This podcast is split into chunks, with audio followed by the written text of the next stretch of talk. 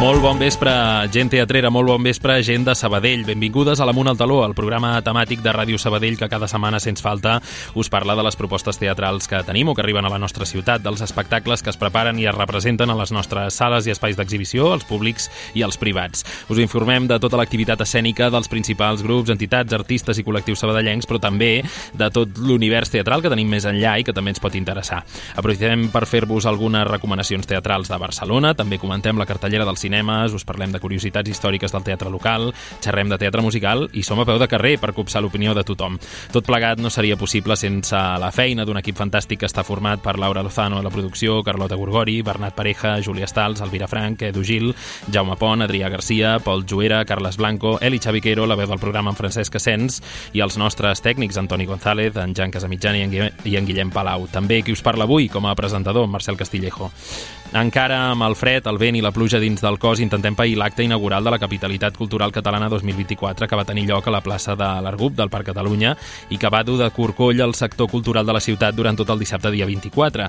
A Sabadell no som precisament especialistes en els plans B de pluja i la meteorologia darrerament ens juga sempre males passades que no sabem massa com afrontar. Potser cal pensar en espais interiors per aquestes dates, la fira, la faràndula, potser ens cal fer una inversió en plàstics o algun altre sistema que cobreixi la instal·lació. Públic i artistes, tots congelats, arrapats als abrics i les bufandes i enmig de bassals, van haver d'esperar fins a tres quarts de vuit perquè l'acte comencés. Un acte volgudament eclèctic que volia oferir un petit tastet de cada branca cultural. Circ, dansa, poesia, teatre, teatre musical, música urbana, òpera, música clàssica, cultura popular, història... Un compendi que generava moments curiosos i xocants, com un text poètic i sentit recitat per Mireia Vilapuig, seguit d'una actuació desenfadada del grup Flashy Ice Cream, o un audiovisual sobre el passat tèxtil i Joan Oliver, combinat amb el ball enèrgic i lluminós dels Brodes Bros. Castellers, Mariona Ribas, Nessun Dorma, 31 Fam, Corrandes d'Exili, un còctel que va sorprendre el públic que demanava més ritme entre actuació i actuació professionals, semiprofessionals i amateurs. Unes mescles que cada vegada es produeixen més a Sabadell, malgrat eh, el Teatre del Sol hagi tancat, i que són cada vegada més complicades de gestionar. A mitja tarda, tot l'equip de cultura i els principals organitzadors i treballadors de l'acte xugaven les cadires, fregaven la immensa tarima amb mopes i fregones i assecaven els elements amb rotllos de paper.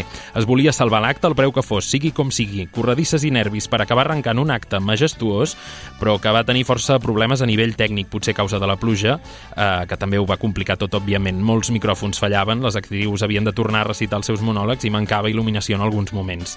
I la ironia de tot plegat, l'acte estava patrocinat per Aigües de Sabadell i el fil conductor de l'esdeveniment havia de ser l'element de l'aigua relacionat amb la cultura. Doncs, sens dubte, va ser-ho, com recalcava l'actriu Rosa Renom en un dels parlaments. Hi ha sequera, però l'aigua apareix justament per beneir aquesta accidentada capitalitat cultural. Com sempre, el gran nombre de voluntaris i voluntàries de grups, entitats i col·lectius de la ciutat i artistes convidats van procurar tirar endavant l'esdeveniment i superar el clima advers. Nosaltres, amb aigua o sense, comencem el programa 277. Som-hi! Amunt al taló.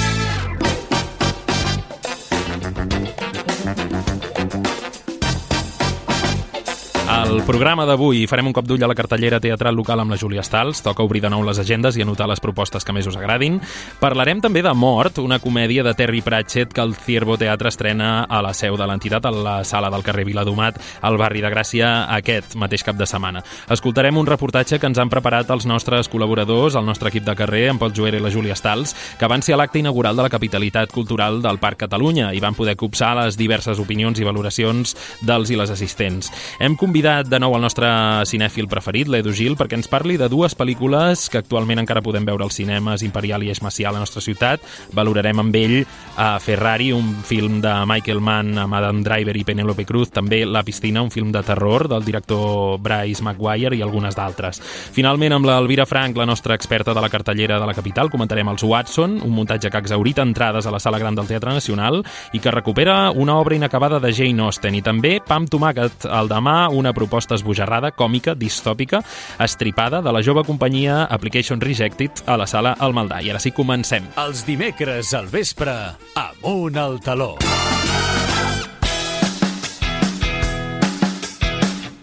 La platea indiscreta. Obriu les agendes, estimada ràdio oients, perquè és hora de fer un cop d'ull a la cartellera local amb la Júlia Stals. Bon vespre, Júlia. Bon vespre. Com cada setmana repassem la cartellera teatral i és que aquesta setmana a Sabadell hi ha diverses oportunitats. Comencem al Teatre Sant Vicenç, que segueix en cartell Cop de Rock, que va estrenar aquest cap de setmana, i la podrem anar a veure altra vegada dissabte a dos quarts de deu de la nit i diumenge a les 6 de la tarda. Seguim el Ciervo, que representaran Mort aquest dissabte a les 9 del vespre i diumenge a les 6 de la tarda. Això fins al 10 de març. Per tant, encara tenim un cap de setmana més per anar-hi. Continuem a l'alternativa que interpretaran West Side Story divendres a les 9 de la nit i diumenge a les 6 de la tarda. La companyia Tres Homes Grossos presenta Ho sé tot, aquest divendres a dos quarts de set de la tarda. I per últim acabem a l'Estruc, que ofereixen Jueves Absurdos, demà dijous a les 9 de la nit. Com sempre, recordem que es pot trobar gran part de l'oferta cultural de la ciutat a l'aplicació Sincronitzats, disponible a iOS i Android, i a la web de Sabell Cultura. Moltes gràcies, Júlia. Seguirem atentes a les propostes teatrals locals programades. Continuem amb el programa.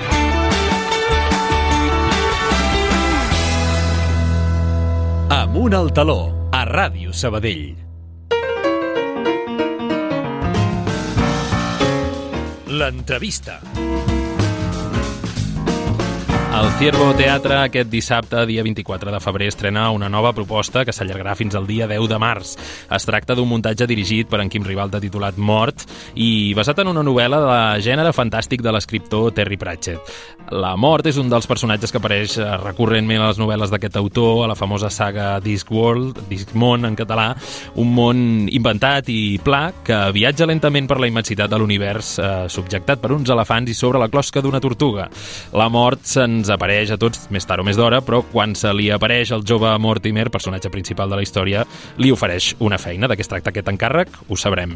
Per desgranar una mica més com funciona aquest univers fantàstic on Pratchett situa les seves novel·les eh, i com és aquest personatge mort que dona nom a l'espectacle i per saber també com la gent del Ciervo Teatre ha aconseguit dur aquesta història estrafolària a l'escenari de l'entitat del barri de Gràcia, ens acompanyen avui al programa el director de la proposta, en Quim Ribalta. Bon vespre, Quim. Què Hola, tal? bon vespre. I també en Pol de Miguel, un dels actors protagonistes de Mort. Bon vespre, Pol, què tal? Hola, bones.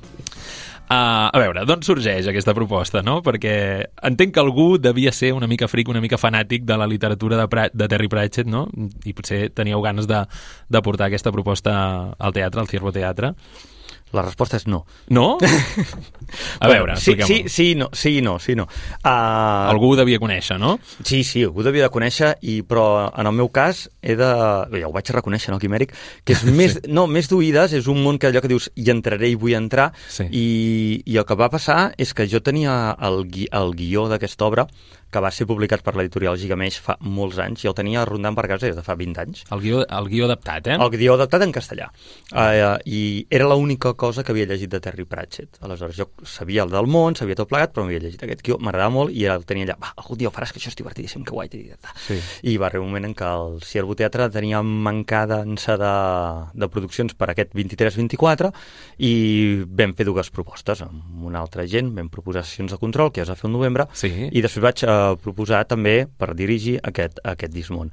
I a partir d'arrencar amb el Dismont i d'arrencar l'obra vaig dir, això m'he de posar en Pratchett d'una vegada perquè no pot Clar, ser que hi hagi referències. Sí, clar. I a partir d'aquí, després sí que he entrat i estic molt content i em molt greu no haver-ho fet molts anys abans perquè podria haver gaudit fa Per tant, el, el procés a la inversa, una mica, no? De primer entrar en l'adaptació teatral i després en tota la part de, de la literatura d'aquest autor. Sí, sí, sí, totalment a la inversa. Um, penseu uh, en una persona que, que no coneix aquesta saga, eh, Discmon. Intenteu explicar-me una mica com funciona aquest univers. Um, serà, serà molt important aquest marc um, de la saga per seguir l'espectacle? O només entenent la trama que, que ja plantegeu, doncs ja, ja, es pot, ja es pot seguir l'obra perfectament?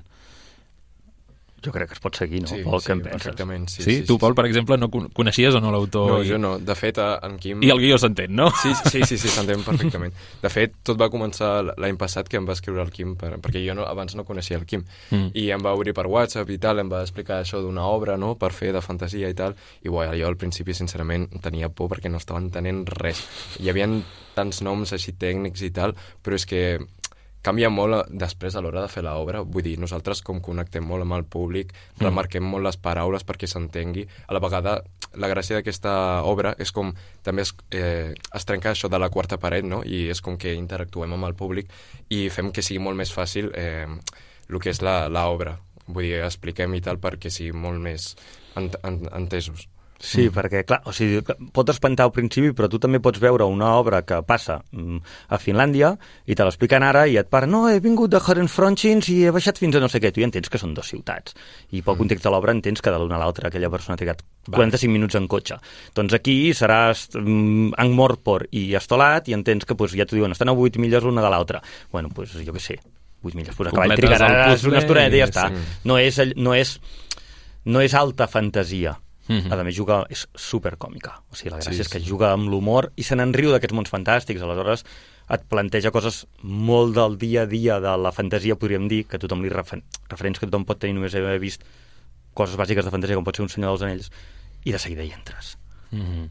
Va, anem a la trama. De què ens parla aquesta, aquesta novel·la i aquesta adaptació teatral, no? Mort. Um, sabem que la mort hi apareixerà, no? Però ens hem d'imaginar que és una mort clàssica, no? Amb túnica negra, la caputxa, la dalla, aquest personatge així silenciós, tenebrós, que, que tots recordem amb veu d'ultratomba o, o mm, ens presenta una altra espècie de mort eh, en Pratchett? Eh, L'has descrit perfectament. Ah, és, és així, eh? Sí, és sí, com ens l'imaginem Sí, sí, sí. juga amb l'imaginari... Típic personatge. Cl classiquíssim.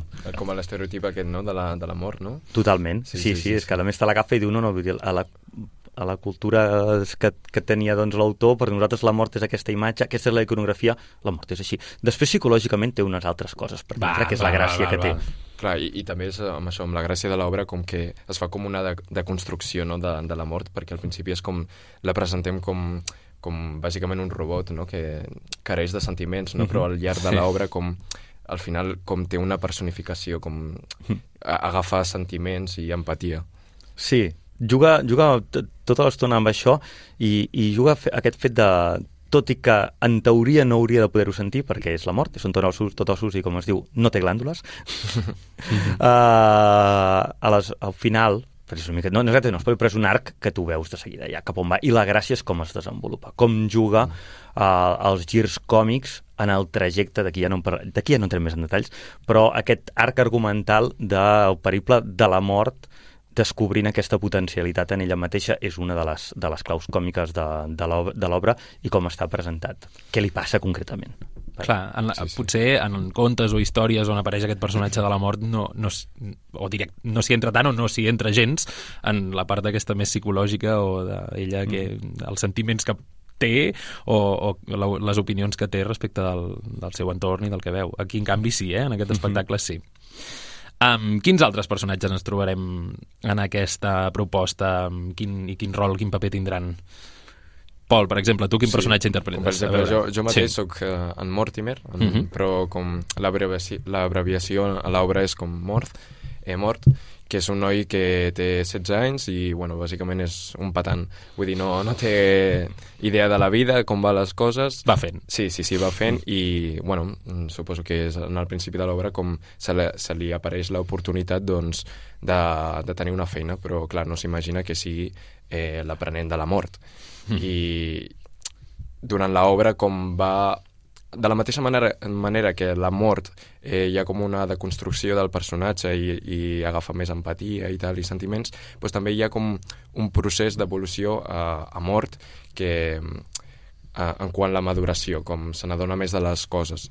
Uh -huh. Perquè al principi comença com un nen que no té idea de res, és un desastre, ho fa tot malament, i després ja com agafa responsabilitats. Uh, evoluciona. Sí. Uh, sí. Quins altres personatges ens trobarem? Aquí al voltant us trobareu Bé, hi han 12 actors i actrius mm -hmm. en el repartiment, sis dels quals fan uns personatges fixes, que són, doncs, en, en Mortimer, la mort, després hi ha la Isabel, que és una filla adoptiva de la mort, uh, també veureu quin gir té la trama, té, hi ha l'Albert Malik, que és una mena de criat de la mort, no, que tampoc no en direm res més, uh -huh. uh, i després hi ha fora d'aquest món de la mort en si, els protagonistes d'aquest món són la princesa Kelly i un mag que es diu, que es diu Tallabé. Aleshores, al voltant d'aquests personatges gira la trama i els altres sis actors i actrius eh, es dediquen a fer tota la resta de personatges i tota la resta van entrant i sortint, es van intercanviant de roba i fan ben bé gairebé una quarantena perquè em fan, un, em sembla que em fan menys dos en fan set mm, i els altres quatre en fan sis cada un o sigui que... Sí, personatges completament diferents, o sigui, és, és Sí, una sí, passada. Que això també ha de ser interessant, no? Sí, sí, sí. Han fet una feina molt, molt divertida. A més, divertida és la paraula, també, perquè tots aquests personatges els, els jugues des de, des de l'exageració i des dels extrems, aleshores, clar, mm. tenien molt marge en el que moure's. Mm. Sí, sí. Amb, com com s'ha fet l'adaptació al teatre d'aquest d'aquest llibre de gènere fantàstic? Mm, com com s'ha aconseguit mantenir l'essència no, de l'autor sense haver d'eliminar o haver de d'obviar aquests moments de màgia, de fantasia, de- de- d'efectes de, que Mhm. segurament tenen importància en el llibre, no? Doncs uh, s'ha fet molt bé, i ho dic així perquè no ho he fet jo. Eh, Ho pots dir? ho puc dir, és allò... No és, uh, hòstia, quin tio és poc modest. No, no, això ho va fer uh, Stephen Briggs, que en el seu moment va fer la- va fer l'adaptació la, de, de, de mort. Uh, ja fa, fa molts anys, això era a principis dels 90, eh, era una companyia, petita companyia teatral d'Anglaterra que uh, buscava textos per fer i algú els va dir, per què no adapteu Terry Pratchett?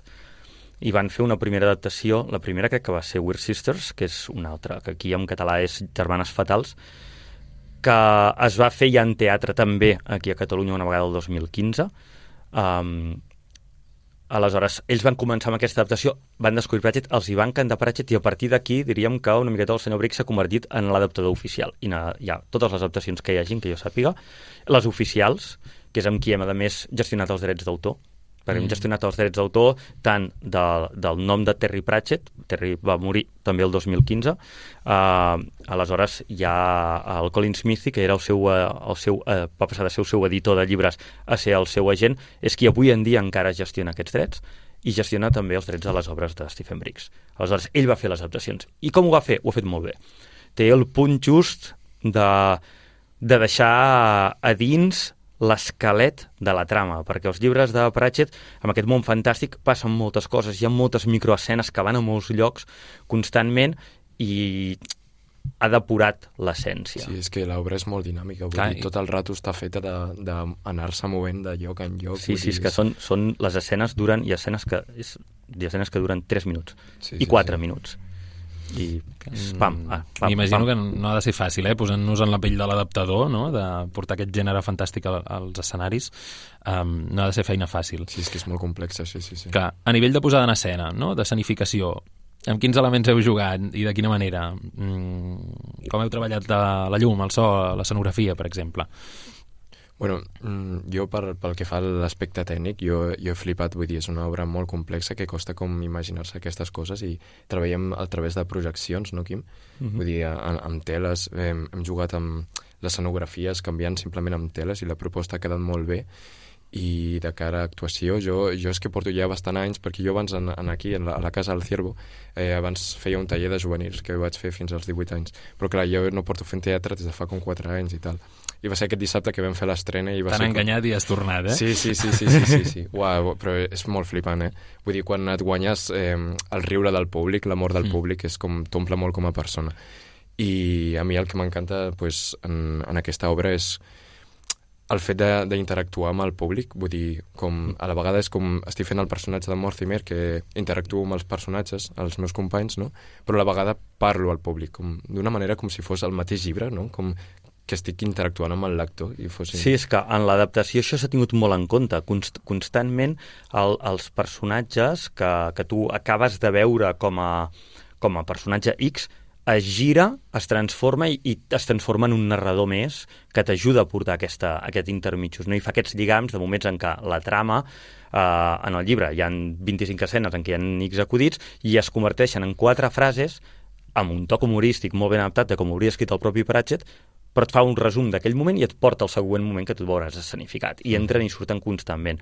I també aquesta trencada de la quarta paret que deia el, el Pol, eh, ells mateixos no està molt marcat en què el, en què estàs parlant entre ells i de cop i volta hi ha frases que són, com que inclouen acudit a dintre, obvien la persona que tenen al costat, que és a qui li estan deixant la frase, i la llencen al públic, i es, això va passant constantment. Entres i surts, entres i surts, entres i surts. I, i bueno, jo crec que, que funciona bé i és, era la manera de, de fer-ho, de portar el text. Abans dèieu que Pratchett aprofita aquestes històries fantàstiques i, i, i delirants per, per parodiar no? altres autors, altres sagues fantàstiques. Aquest punt còmic i, i àcid el veurem, eh, també, en aquesta Mhm. adaptació teatral. Um, estem davant d'una comèdia, no? Oh, sí, no, no, una Clarament. comèdia a, a, a, A a totes llums, a tope, Com a comèdia dramàtica, també, no? Per la Sí. història. Clar, és que sí, però és una, sí, és una, podríem dir per dramàtica perquè als personatges els hi passen coses molt fortes, Mm, sí, sí. però, però sempre és des de l'humor, o sigui, sempre Sí, és, sempre és de, sí. i des de les reflexions, perquè el, ta, uh, una de les grandeses de, de Pratchett és que en, en una frase t'està fent alhora una reflexió filosòfica sobre la vida molt encertada, o sigui que és un tio molt interessant de conèixer, uh, i al mateix temps l'està donant amb un acudit en què està, està dient, t'està dient sòmines i a més t'estàs rient de tu mateix per ser un sòmines, constantment. I, I com a missatge final de l'obra amb quin ens quedem, no? Perquè deies que també hi ha tota aquesta capa reflexiva.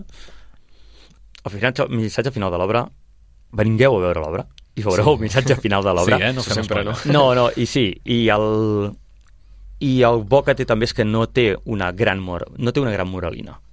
No és tot això durant dues hores, sí, és llarga però superdinàmica. Uh, fem mitja part, podem anar al bar, no patiu, uh, i fer un pipí. Uh, no és tot això era per donar-te, perquè jo tinc de la vida, tinc aquest punt de vista i tal, i ara te'l serveixo, mandec, aquesta és la moralina. No, és de cada moment, a cada personatge, i en totes les frases que t'ha donat, n'hi ha moltes que moralines, però tampoc són moralines, no està allucinant sobre res, dir, mira que tontos que som tots plegats, que vivim d'aquesta manera, ell, l'autor inclòs, i, i no ens n'adonem de que ho podríem fer de manera. Tot es podria ser molt més fàcil i molt més divertit. Va, doncs ens quedem amb aquest uh, punt també una mica autocrític, no? Uh, D'en Quim i uh, amb les paraules també d'en Pol de Miguel, director i un dels actors de l'espectacle Mort, que arriba aquest dissabte, recordeu, dia 24 de febrer, al Ciervo Teatre, al carrer Viladomat. Animeu-vos a veure aquesta proposta teatral a partir d'un dels llibres del gènere fantàstic de l'escriptor Terry Pratchett, que de ben segur us sorprendrà. Dissabtes a les 9 del vespre i diumenges a les 6 de la tarda. Entrades enviant un WhatsApp al 627 769 uh, 165. Moltes gràcies, Quim, Pol, i molta sort, molta merda per aquesta estrena aquest cap de setmana. Que vagi Moltes molt gràcies. Amunt al taló.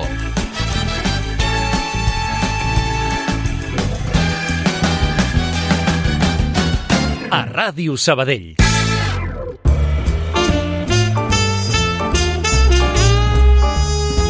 Anem d'estrena.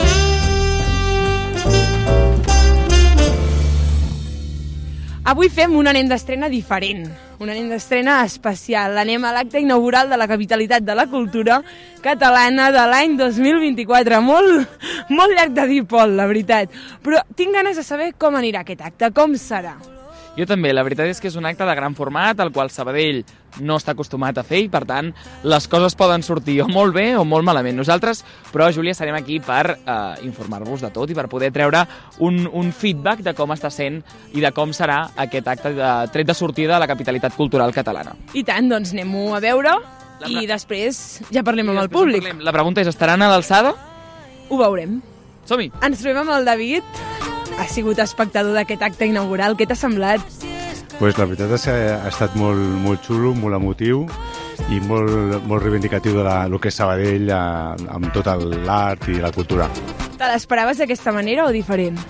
No, no me l'esperava, ha sigut molt xulo perquè hi ha hagut de, de tot, hi ha hagut poesia, hi ha hagut eh, ball, hi ha hagut dansa, o sigui, ha sigut molt, molt xulo, me l'esperava d'una altra manera. En el teu dia a dia consumeixes cultura? Doncs sí, bastanta, sí, sí, sí. Pues eh, musicals, eh, concerts, eh, teatre, a la faràndula i tot això, sí, sí. A, a l'hora de la veritat, i, i jo tenia una pregunta, David. Hi ha, hi ha hagut dubtes de si es venia o no es venia? Quan era les 5 de la tarda, estava diluviant, no se sabia si es faria, hi havia incertesa? Tu has plantejat o has dit, jo hi vaig encara que sigui en paraigua? No, jo sabia que anava perquè he mirat el temps i a les 6 parava, o sigui, que sabia que es faria. Es faria sí. Quin tipus d'acte creus que aquest any et sorprendrà? Musical, teatre de text, òpera, perquè també hem vist molta òpera durant l'acte. El teatre, jo crec que em sorprendrà, sorprendrà el teatre. T'has mirat les cartelleres ja? Ja saps a quina ja tens entrades, si ha d'anar sí o sí, a fitxar? Eh, sí, suposo que el, sobretot a la faràndula i Sant Vicenç hi vaig bastant. fort està els que siguin dos quarts de deu i encara hi hagi resistents aquí a la plaça de l'Argup del Parc Catalunya. Aleshores, Són joves. són de dir. s'ha de dir, s'ha de dir. També és important que veieu que hi havia gent de totes edats a l'acte. Quina sensació us queda després de veure aquest macroacte? No sé, és una sensació de... de... Vull tornar-ho a veure. Pots tornar-ho a veure. Esteu, heu quedat com meravellats de la cultura de Sabadell perquè s'ha vist tot, o sigui, segurament hi haurien coses que no sabíeu que hi havia de Sabadell. Doncs sí, la veritat és que sí, o sigui, s'han vist coses que porten molt de temps fent-se, però òbviament també s'han vist coses noves i, home, fa sentir-se orgullós, la veritat. Amb què, amb què dius, jo aniré a veure això, òpera, eh, d'aquestes, totes aquests eh, grans espectacles, amb què et quedaràs? Amb què aniràs a veure? Home, jo vull veure un musical, no? Pot ser que hi hagi gent de fora aquí? Soc de Vilanova i la Geltrú. Oh, a prop no queda. I com és que has vingut? Doncs perquè ballaven amics meus. I... Val. I quina imatge t'emportes de Sabadell després de veure aquest arranc de la capitalitat cultural catalana, és a dir, del nostre país? Home, que hi ha molt, molt art. Creus que Sabadell es mereixia ser capitalitat de la cultura catalana? Del- bueno, sí, sí. Sí, sí. Sempre cultura. Sempre, eh? Sempre cultura. Aleshores, um, coneixíeu els actors, actrius, poetes que han sortit aquí? Sí, uh, molts actors de musicals els coneixem. Estic segur que hi ha una actuació que us ha sorprès molt, que no us esperàveu, que segurament en un acte institucional com aquest potser no sortiria. Bueno, 31 fam. Bueno, ja els esperàvem. Però us esperàveu, eh? Heu mirat. Sí, sí, home. Així, Ice Cream? Home, també, òbviament. Som part de Sabadell. Sou, I us agrada aquesta música? Sí, a mi 31 fam m'agrada molt. A vegades no us, no us manca aquesta reivindicació d'aquesta part cultural de Sabadell, que potser està una mica oblidada? Home, doncs potser sí que es podria donar veu a aquestes coses, sí, sí, tant que sí. Ens trobem amb el regidor de Cultura, Carles de la Rosa. Com valores l'acte d'avui? A veure, est- estem molt contents, la veritat és que era un encàrrec superdifícil, a més a més eh, no ha ajudat gens que una hora abans de l'espectacle hagi fet la pluja que ha fet, que ha servit bàsicament per remullar tota la instal·lació tècnica i que ens ha, ens ha portat molts problemes de, per poder iniciar-nos. Clar, això a la, ens feia començar molt avall, però ells ho tenien molt, molt, molt treballat i, i penso que ha quedat molt clar que tota la gent que hi ha participat doncs ha anat fent aquesta, aquesta repassada de tot el talent, totes les disciplines, tota la, la capacitat creativa que té la ciutat i sobretot a, bueno, 200 persones que han pogut intervenir. Evidentment ha faltat molta gent perquè era impossible encabir-los a tots aquí, haguéssim hagut de fer un espectacle de 12 o 14 hores potser, però, però molt contents, la veritat és que ha funcionat molt bé. Com heu organitzat l'acte? Perquè, per exemple, Plàcid García Planes és, és, ha sigut el guionista de tot l'espectacle. Com ha sigut la- l'organització? Perquè, clar, ha participat moltíssima gent. Uh, és un encàrrec eh, múltiple, sobretot a, a partir de l'equip d'Albert González, ells són els que han orquestrat tota la, la dramatúrgia. El Plàcid ha fet uh, les càpsules de vídeo que s'han vist, que són, uh, són una preciositat amb l'Enric, amb el Lluís Camajó, i llavors l'Albert ha acabat de fer la resta de textos que, dels textos que anaven fent en la, els enllaços. Hi havia una mica l'encàrrec d'això, de que tinguessin una, una capacitat d'explicar la història de, de la cultura sabadellenca i sobretot que participessin totes les disciplines, això és el més important. Jo vull preguntar-te que després d'aquest tret de sortir de la capitalitat de, doncs, del nostre país, què ens depara els pròxims mesos aquí a Sabadell, perquè la capitalitat aguanta tot l'any. De fet, ja va començar al gener. De fet, ja amb la Sílvia Pérez Cruz ja va ser un dels primers actes, després va venir la Laura Andrés. La Laura Andrés va ser la part institucional, diguéssim, en el teatre principal. Ara ha vingut aquest acte i ara anem seguint. Tenim molts projectes que estan dintre d'aquests mil projectes famosos que, que es aniran donant, més que van arribant de gent que ens van dient que volen incorporar les seves programacions i els seus espectacles o exposicions i per tant el que tindrem són alguns espectacles no tan potents com aquest d'avui perquè ara ens relaxarem una miqueta, anirem més sobre calendari festiu, temporada estable i ara, per exemple, la següent cita, que això sí que és una novetat, és la inauguració de dansa metropolitana que es fa en aquesta mateixa plaça el dia 1 a ve tothom, perquè com que en som seu i fem la inauguració nosaltres, venen tots els alcaldes de totes les ciutats que participen i totes les altres administracions i tenim l'espectacle inaugural aquí. Per tant, de moment, la setmana que ve encara no hem acabat de, de fer coses macro, diguéssim. La pluja es que està molt enamorada de les nostres activitats a l'aire lliure i a l'espai públic i ens va perseguint. Estem pensant de portar-la als pantans, als espectacles, a veure si així aconseguim que la sequera se'ns acabi, perquè no sé què fem, que cada vegada que plantegem una cosa torna a ploure. I a Sabadell tenim molta cultura. Cultura a nivell de comunicació, cultura a nivell de teatre, òpera...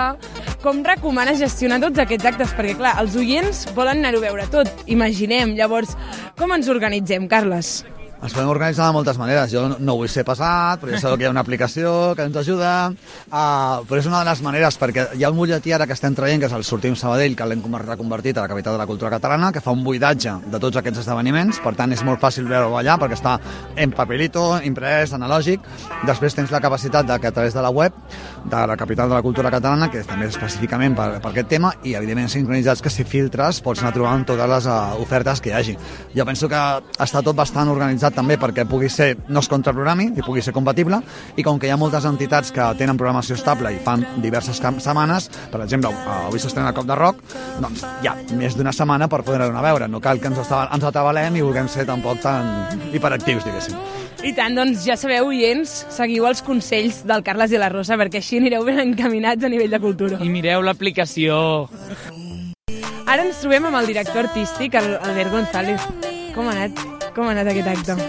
Bé, patit molt i hem suat abans de començar perquè ningú sabia mitja hora abans si sí, s'acabaria fent o no. I, I bé, jo no he pogut gaudir gaire perquè estàvem els tècnics donant els, els gous de llums, de so i tot, de vídeos i no sé, no sé com ha anat encara, estic veient-ho, però vaja, diria que bé, diria que bé. Hi ha hagut algun moment des de l'organització abans de, de començar que s'ha replantejat el fet de dir pues, es trasllada un altre dia? Hi ha hagut per algun moment eh, aquest pensament o sempre ha sigut directe, avui es fa? A veure, e-, era una decisió que, clar, que te la planteges fins i tot setmanes abans de i si, i si plogués, però la, la última decisió que vols prendre és que s'anula. Més que canviar-ho de dia, era s'anula, se suspèn i ja es veurà si hi ha una altra data. Llavors, volíem evitar això de totes totes. Per això quan a les 6 ja estava parant de ploure era com, bueno, va, hi ha temps. Quant temps porteu organitzant-ho? Doncs això, que han sigut sobretot més que assajos, moltes reunions de logística de l'equip directiu, equip tècnic. Vam començar al novembre a fer les primeres reunions. I llavors cadascú, a nivell artístic, ho ha assajat per la seva banda. Ajuntar-ho tot ha sigut aquesta setmana. Jo anava a preguntar-te també, a nivell logístic, s'han vist grans personalitats de, de, de, de la cultura sabadellenca, des d'actrius, des de poetes, des de, des de... Tothom hi ha sigut representat i, i les persones que han vingut fins aquí, com per exemple la Rosa Renom o la Mercè, com, com ho heu aconseguit que vinguessin? Com ha funcionat aquesta gestió? Això, mira, mmm, va ser bastant fàcil perquè quan és un acte així únic i repetible de ciutat, la gent s'apunta molt fàcilment. Si tenen l'agenda i les ganes, és, és molt fàcil convèncer-los. Llavors, en un, no sé, 90%, tot, tot l'equip va dir que sí a la primera. Vull dir que no va costar gaire. Llavors sí que hi havia altres noms, potser, no sé, Albert Pla, que ens hagués agradat que hi fos, però estava justament avui a un vol a Galícia, llavors no podia. Vam intentar anar a buscar gent que per agenda no ha pogut, però els que estaven aquí de seguida ens van dir que sí. Què creus que és el que més uneix a la cultura de Sabadell? Què és el que més uneix? Doncs aquestes ganes de ser creatius i de, i de no voler fer-nos petits al costat de Barcelona. Crec que a vegades tenim com aquesta por de ah, és que, bueno, clar, no estem a Barcelona i aquí tenim molt talent i, i, i crec que avui s'ha demostrat. I una última pregunta. Sent crítica amb l'espectacle, quina creus que pot ser una crítica a millorar constructiva que podrien tenir els espectadors avui dels 1.200 i més persones que hi havia al voltant del Parc Catalunya? Home, que si haguéssim pogut fer més assajos tècnics i generals, tot hagués anat més rodat, a nivell tècnic la pluja ha fet que no poguéssim comprovar molta microfonia, que hi hagués focus que no, que no anaven, però per, per la pluja, eh? I si no hi hagués hagut pluja, doncs potser jo hagués demanat dos assajos més amb tothom, però això era impossible de fer perquè hi ha gent que ja no, vi, no viu a Sabadell, són d'aquí però no viuen, venen expressament per l'acte. Llavors, m'hagués agradat que tot hagués sortit com més rodat i amb més ritme, però no hem tingut temps d'assajar. Pol, acte acabat, i la veritat és que m'han agradat moltes actuacions, però també n'hi ha d'altres que crec que podrien millorar, eh? Sí, una, un acte tret de sortida de la capitalitat que ha funcionat, la gent ha quedat contenta, i com a crítiques, així anem a fer una anàlisi breu eh, que hem trobat del públic. Primera, l'hora, ha arrencat tard, també a causa de la pluja, ha estat plovent fins a última hora, no sabíem si, si es faria o no, des de la regidoria anaven informant, i després també eh, l'arrencada d'aquest acte. Ha començat lent, ha començat potser possiblement una miqueta més feixuc, amb actuacions tradicionals, més enfocades aquí a la terra eh, tradicional, amb poemes doncs, de, de ma terra del Vallès, Tres turons fan una serra, no? més actrius d'aquí catalanes de sempre, de sèries catalanes, i ha anat agafant embranzida com una baixada fins que ha arribat al tret final amb 31 fam, Flash i Ice Cream, totalment modern, actual, i, i on s'ha tret més possiblement a, a la, a la, al, al públic jove no? que hi havia. A mi el musical m'ha captivat, m'ha fet ballar, la veritat. El musical captiva sempre, Sabadell és, és, és, és estrella. Hem descobert que també agrada molt al públic i que hi aniran. Per tant, bones notícies perquè la gent crec que consumirà més cultura. I afegir de l'acte que des del nostre lloc privilegiat a dalt la premsa, per això no ho té tothom, hem vist públic variat. Això sí que ho ha tingut l'acte i ha aconseguit aplegar moltíssima gent. Més de les 1.200 butaques que dèiem, al voltant estava ple i sobretot gent tan petita com gran. I tant, Pol. Sabadell aposta per la cultura, ja ho hem vist, i a veure com segueix avançant aquesta capitalitat, que nosaltres serem per reportar-la i per posar-la a prova. Ho anirem seguint i us anirem informant. Com sempre, adeu!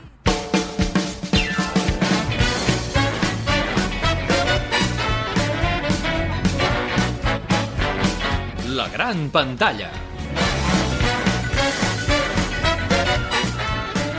Avui ens visita a l'Amunt al Taló altre cop el nostre cinèfil de capçalera, l'Edu Gil, perquè amb ell volem valorar i comentar breument algunes de les pel·lícules que tenim ara mateix a la cartellera dels cinemes Imperial i Esmacià. Edu, bon vespre, benvingut de nou. Bon vespre, Com Marcel. estàs? Gràcies per convidar-me.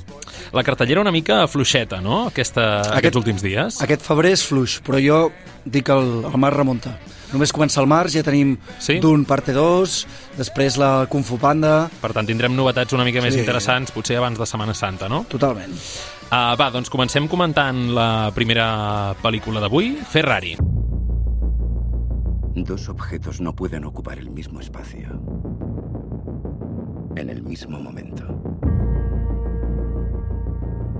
La curva se acerca. Tal vez sufras una crisis de identidad. L'any 1957, eh, l'expilot Enzo Ferrari està en crisi. L'empresa que va aixecar amb la seva dona Laura està fent fallida. El matrimoni, a més a més, passa per un moment d'allò més inestable i es veu sacsejat també pel dolor de la mort del seu únic fill. Enzo també lluitarà contra el reconeixement d'un altre fill, amb Linda Lardi. Mentrestant, la passió i l'anel dels pilots de Ferrari per guanyar els portarà al límit, especialment en una cursa que recorre tota Itàlia.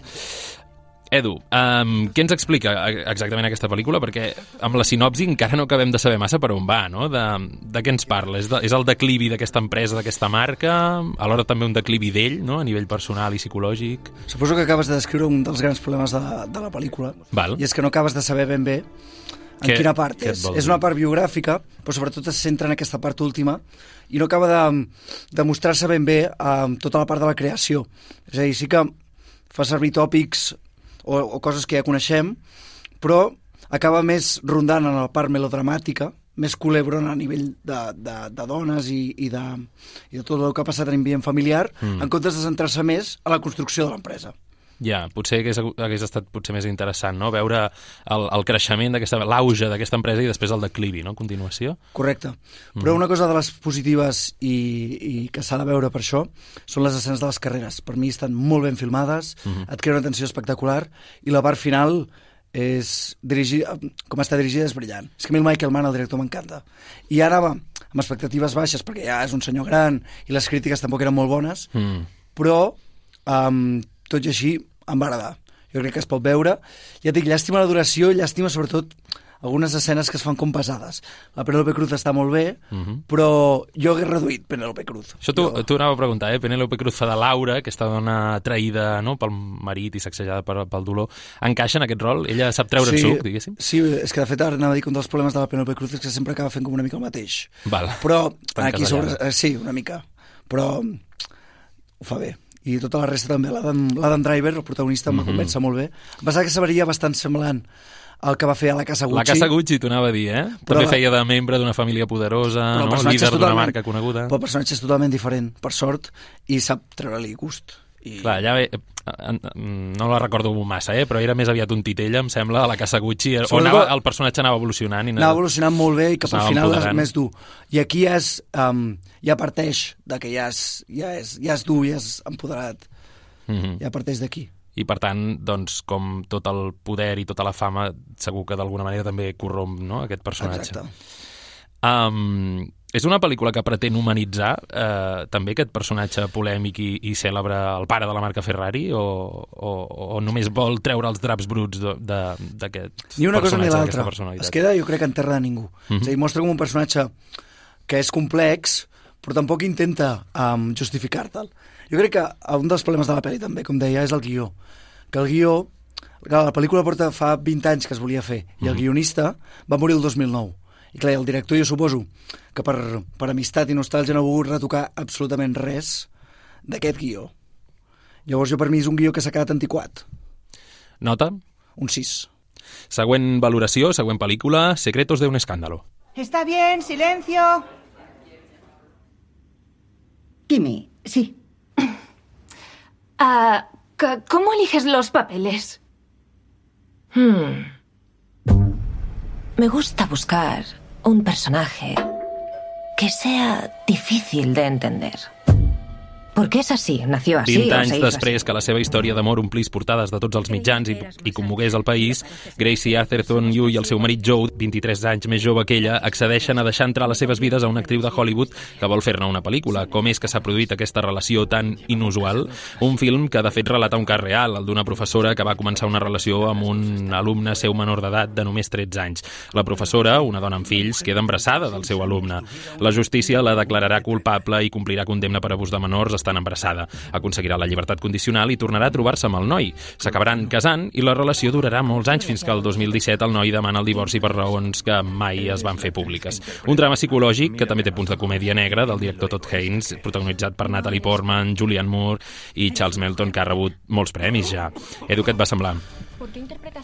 Doncs tenia curiositat i volia saber-ho. De fet, el director ja va dir que era terreny Almodóvar, per Mm. dir-ho així, la veritat és que ho és. Sí. I, I de fet que tota la pel·lícula um, t'està explicant la història, però ho està fent amb un punt, amb un to, um, que et, et, et treu una mica, que dius, ostres, però on anirà, saps? En plan, intenta ser com quotidià o, o normal, però veus com, com una mica estrany. I la veritat és que um, m'ha convençut, al principi no estava del tot... No, m'ha costat entrar-hi al, al començament, però... Pel to, mesura- eh? Per això que to. deies. Mm. Però a mesura que avançava, i sobretot cap al final, dic, em va convèncer i em va agradar força. El guió està molt bé, uh, no m'estranya que l'hagin nominat a millor guió adaptat, Mm. i, i elles dos van soles, per dir-ho així. Clar, són dues grans actrius, no? Sí. Uh, què me'n dius de les interpretacions? Mira, m'agrada més la de, la de la Natalie Portman, perquè aquesta fredor, aqu- aquest tipus de personatge o com ho fa, no l'havia vist i, i em va sorprendre gratament. En canvi, la Julia Moore, superbé també, però és un tipus de personatge que més se li ha vist més fàcil fer-lo.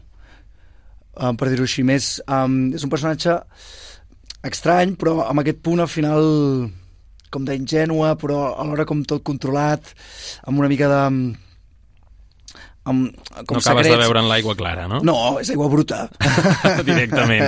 Uh, una pel·lícula que té dues, dues trames o dues línies a seguir, no? També la de la relació, evidentment, de la, de la professora de Gracie amb aquest exalumne, no? ja, el, en Joe, un cop ja són més grans, i per altra banda la de la investigació eh, que fa l'actriu, no? per poder arribar a entendre psicològicament a, a, aquesta, a, Exacte. aquest personatge de la Gracie. No, No, totalment. I. I realment és com si obre un debat de si una mica de, dels actors de mètode, no? Si cal arribar Sí. fins a aquest punt per arribar a una interpretació, no cal arribar a, la- a la realitat més extrema per poder-t'ho interpretar. Has de ser prou mm, bon actor per, per saber-ho fer, no, no aproximar-te tant als fets passats. Uh, es resol uh, aquest misteri d'aquesta relació tan, tan estranya uh, s'acaba explicant una mica Bueno, d'on ve, per què s'ha produït uh, T'ho dona a entendre o tu una mica t'ho pots imaginar, però no acaba de concretar del tot. Així que llavors tu pots fer les teves especulacions o inclús pots arribar a pensar això, que hi ha algú turbi, saps, dins de tot això. Clar, sembla que aparentment tot vagi molt bé i tot estigui a lloc però mm, a sota de la catifa no? Ja està, hi ha brut, hi ha, hi Hi ha, brutícia, hi ha hi ha, brutícia. hi ha secrets. hi ha secrets uh, nota? Doncs un 7. Vinga, doncs continuem amb la següent pel·lícula Políticamente Incorrectos. Señorita Vázquez. Mierda, mierda, mierda. Bienvenidos al primer gran debate de esta campaña. A Espanya bull de crispació i el país està totalment polaritzat. Els partits Nueva Izquierda i Espanya Liberal s'enfronten a les properes eleccions generals. La Laura, una política progre i moderna, i en Pablo, un pijo amb fatxaleco antiquat i carca de dretes, estan disposats a revolcar-se pel fang per aconseguir la victòria dels seus líders. Però una cosa és l'arena política i una altra de molt diferent la relació personal, que potser és massa estreta dones les circumstàncies. Edu, què, què me'n dius? Doncs mira, per començar, al final tu quan veus una pel·lícula amb el tràiler que va d'aquest estil i tal, tu dones la sensació que veuràs algú semblant a Polònia, Ja saps que, que- se'n que ja. se'n puguin aprofitar, que siguin gags, que et facin gràcia realment, que no siguin... Perquè que hi hagi una mica de, de mala llet. Sí, que I- connecten una mica amb el que passa avui en dia, no? Exacte, però, però- amb un to bastant extremat, sí. Però aquest no és el cas. No. És un cas d'un humor totalment blanc, Val. és a dir, sense mullar-se i fent bromes tontes, inclús coses molt incrèdules acaben fent, i això és el que treu de la pel·lícula, realment. Molt superficial, molt potser. superficial, intenten fer com una, uh, una història d'amor a dins, que al final s'oblida de la part política, i és que inclús en els mítings o en els llocs no te'ls creus, no t'ho creus. Veus, veus els, els, els ex, els figurants allà cantant i tal, i, i, i es nota molt que són actors, és a dir, no, no, no han sapigut ni imitar un míting real. Una cosa tan senzilla. I jo no la recomano, sincerament. A sobre, um, cap al final agafen una cançó que a mi m'encanta en anglès, s'ha agafat la, la llicència i, i me la trenca la cançó, sincerament. Uh, sempre acabem fent pel·lícules no? uh, que són comèdies uh, molt folclòriques. Bueno, perquè es Um, nota que van amb subvenció i no s'atreveixen a mullar-se. Mm. Però clar, llavors, així no evolucionem. El, Ja. el, cinema, el cinema espanyol no evoluciona. S'estanca i va fent aquestes produccions que no serveixen per res. Sincerament, és que fer això i no fer res és el mateix. Clar, i no són pas les que queden premiades després als Premis Goya, no? Que per va, exemple. que L'únic que serveix... Bueno, en veritat l'únic que serveix és per donar feina, que a mi això em sembla molt bé. Ja. Però al final queda un producte molt baix. Uh, missatge final d'aquesta pel·lícula, encara que siguem rivals i que uh, tinguem ideologies absolutament contràries, Ens hem podem- d'abraçar. Ens hem d'abraçar i hem d'estar tots, uh, és hem de conviure i hem clar, de... diuen, al final l'esquerra i la dreta Entenc diuen... que va per aquí, no? Exacte, l'esquerra i la dreta acaben dient, ei, uh, i si fem un pacte de govern? Vinga, un mundo ideal... Sí, eh? Uh, ni dretes ni esquerres, no? Uh, tots... Uh, sí, sí. We are the world. Hem d'anar tots junts. Entenc que una mica la, la moralina final serà aquesta i la trama amorosa entenc que tampoc et va convèncer, eh? No, és que ni ella tampoc, pobreta, no me'n recordo com es diu, sembla que és catalana, Mhm. però no em vaig creure ni el seu personatge, i tota la història, és que ja et dic, és com molt d'ara, no, com el tipus de cinema que s'està fent ara, com, com molt Happy Flowers, Mm. que, que em sembla molt bé, però no ho sé, per fer comèdia No has de ficar una mica... No, no porta enlloc. No. Nota? Un 3. Un 3. Doncs va, anem a per la darrera a veure si, si té més sort a la piscina.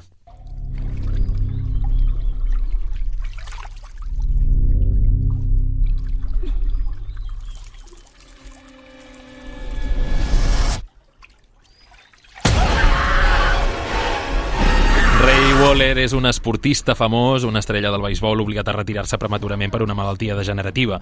Centrat en la família i en la seva recuperació, que va molt lenta, decideix mudar-se amb Eve, la dona, a la seva filla adolescent i el fill petit a una casa nova. Una casa nova amb piscina. Encara que la piscina és eh, protagonista d'alguns petits incidents o moments misteriosos al principi del film, sembla que serà també l'esperança per a la recuperació de Waller. Sembla que l'aigua de la piscina és miraculosa, però el fill petit i la filla adolescent sentiran veus, veuran criatures monstruoses sota l'aigua i el passat terrible de la casa cada vegada agafa més força arrossegant tota la família a les profunditats d'una piscina que en realitat es cobra els desitjos que concedeix. Edu, què me'n dius d'aquesta? Què me'n dius tu, Marcel? Que tu sí que l'has vist, què et va semblar? Mm, Jo crec que va molt en la línia de moltes de les pel·lícules de terror que de vegades comentem aquí al programa, no? que, que sempre hi volen um, col·locar el, el, el punt, la punt um, psicològic, no? de reflexió de, d'una història de superació o de... No? Quan de vegades potser el que esperes com a espectador és el terror pel terror, no cal, no cal donar-li 30.000 voltes, no? Totalment. És a dir, una pel·lícula així, que fas d'una piscina que va portant aquestes coses o, o que, que està endimoniada i que, i que mor gent a dins de la piscina, no me la pots fer de qualificació de 13 anys als Estats Units, que no me la fiquis de 18, perquè això vol dir que no hi haurà sang. Llavors amb això, amb això ja em perd, com a espectador, sincerament. I llavors doncs, passa el que passa, com aquesta pel·lícula, que tot acaba sent com molt fluix, com encara allò esperes més. Saps què vull És dir? veritat que parteix d'un curtmetratge? Sí, o, o d'una història... Em, so- algú em sona. És que, de Mhm. fet, la història promet. És a dir, ho pots desenvolupar des d'aquí Mm. i pots fer mil històries. Però, al final, jo, per mi, la història que s'acaba uh, previsible i acaba sent fluixa. I, a part, uh, doncs, al final... Perdó, eh, sense... I dius, el que fan al final, dius, ostres, i això no ho podíeu haver fet a mitja pel·lícula? Pregunto, eh? El que fan al final, per què no ho fan ja quan ja la cosa ja es trastoca? Quan ja Mhm. comencen a haver-hi problemes ja? No, no sé. T'esperaves que traguessin una mica més de suc eh, al, al plantejament, a la, a la idea Sí, una mica per principal? aquí. Jo crec que es fa com lenta fins a arribar a, un, als, a les conseqüències de la piscina, és a dir, tot el procés allò familiar. Tens raó. Trobo que es, es fa pesat. És a dir, fins que no arribem a la, a la barbacoa, per dir-ho així, que, que està tot ple de gent, Mm. passen 45 minuts de pel·lícula tranquil·lament. I dius, ostres, té un primer acte molt llarg i clar, és això que, que et comentava abans, no? que venim d'una tradició de pel·lícules de terror que sempre et volen fer veure, no? És una mica com va passar amb Boogie- moralistes. Una mica com va passar a Boogeyman, que, vam, Mhm. que la vam veure i la vam comentar. Sí. I que era això amb aquest trauma així familiar. I, di- però t'he de dir que a mi no m'agrada Boogeyman, però em sembla un, una bona pel·lícula en comparació amb aquesta, eh? Perquè almenys sí que hi havia un monstre i hi havia més desenvolupament. Aquí es veu poc monstre. Edu, nota, va. Un 4.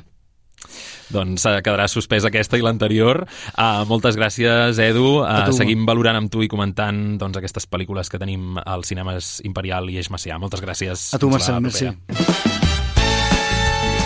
Posa't al dia de l'activitat teatral de la nostra ciutat a Ràdio Sabadell.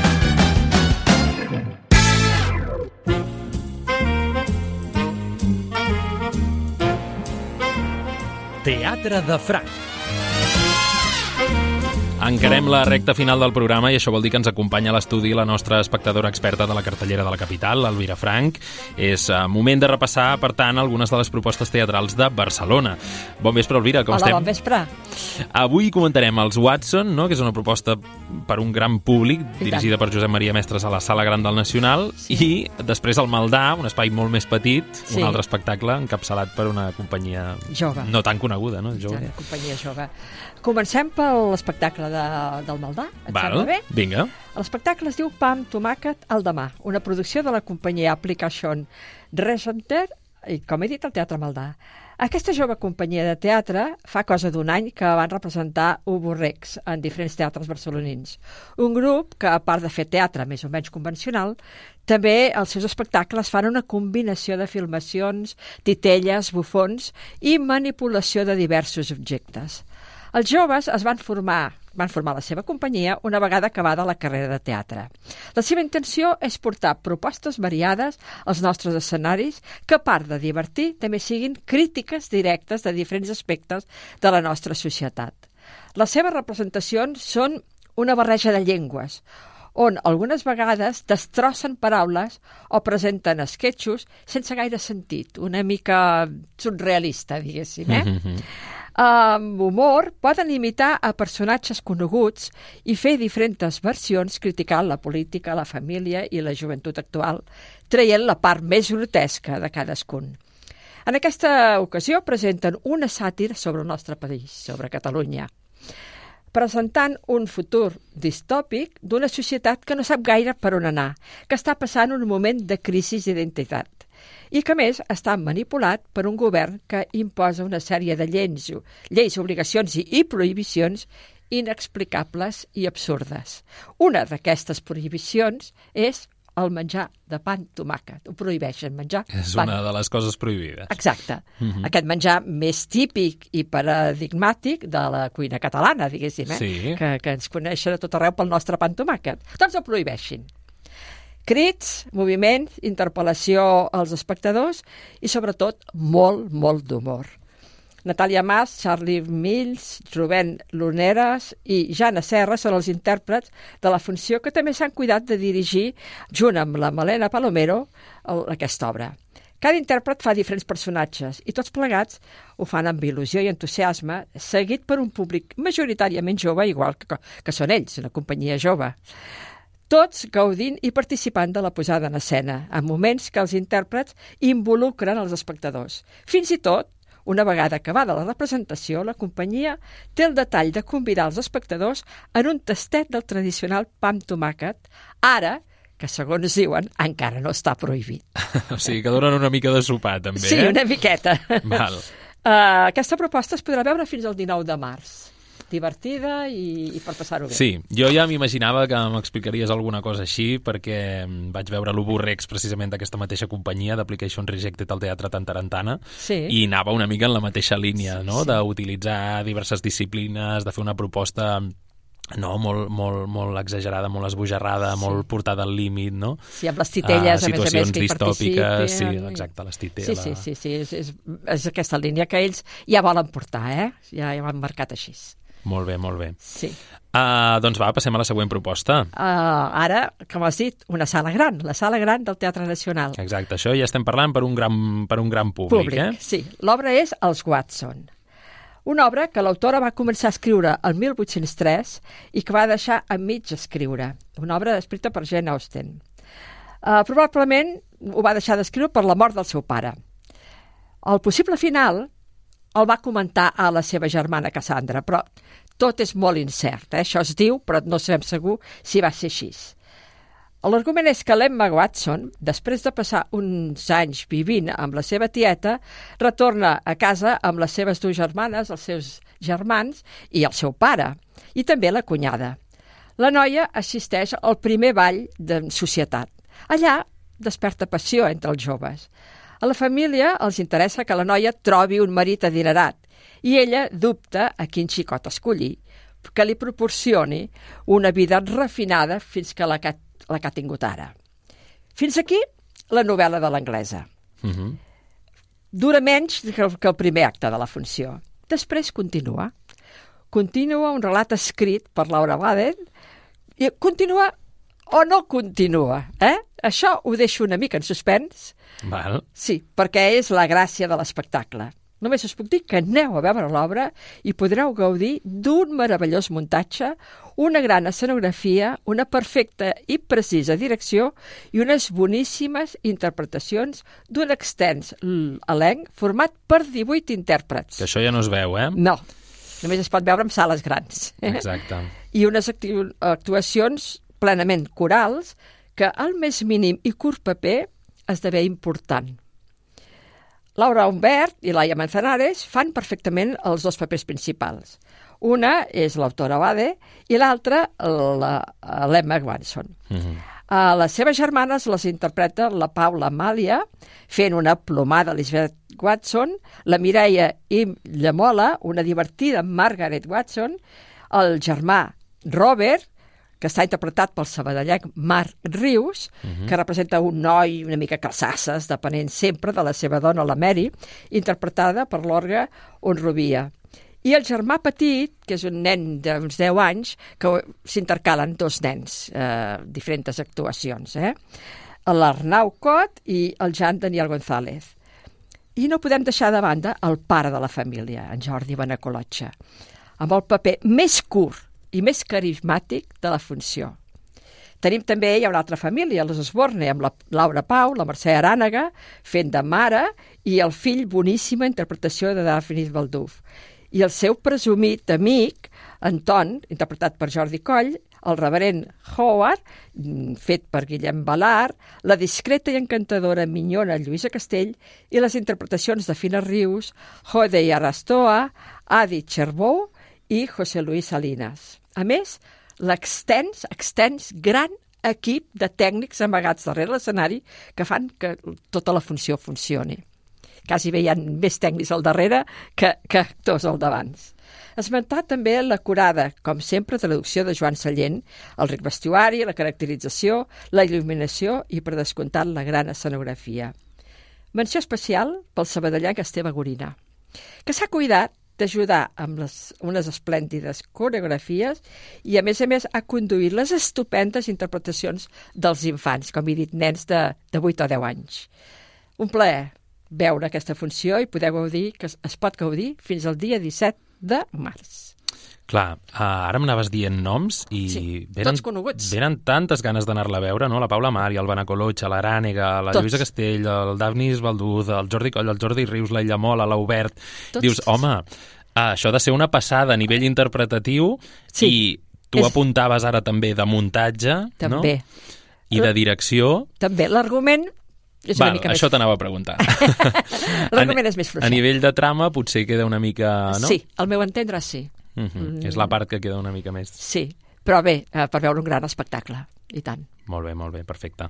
Doncs, uh, Elvira, moltes gràcies per aquest parell de comentaris d'avui. Prenem nota de tots dos i seguim conversant sobre les novetats de la cartellera barcelonina la setmana vinent. A vosaltres. Que vagi molt bé. Vinga, adéu-siau.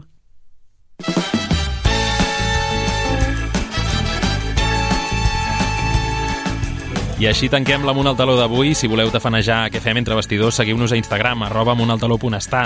Us recordem que podeu recuperar tots els nostres programes a Spotify, només cal que busqueu Amunt al Taló al cercador i trobareu el nostre podcast. Rescateu també aquest programa i tots els altres a la carta al web de Ràdio Sabadell. La setmana vinent, un nou duel de musicals amb els germans Quero, entrevista amb l'equip d'Alexandra la Pirata, de Joventut de la Faràndula.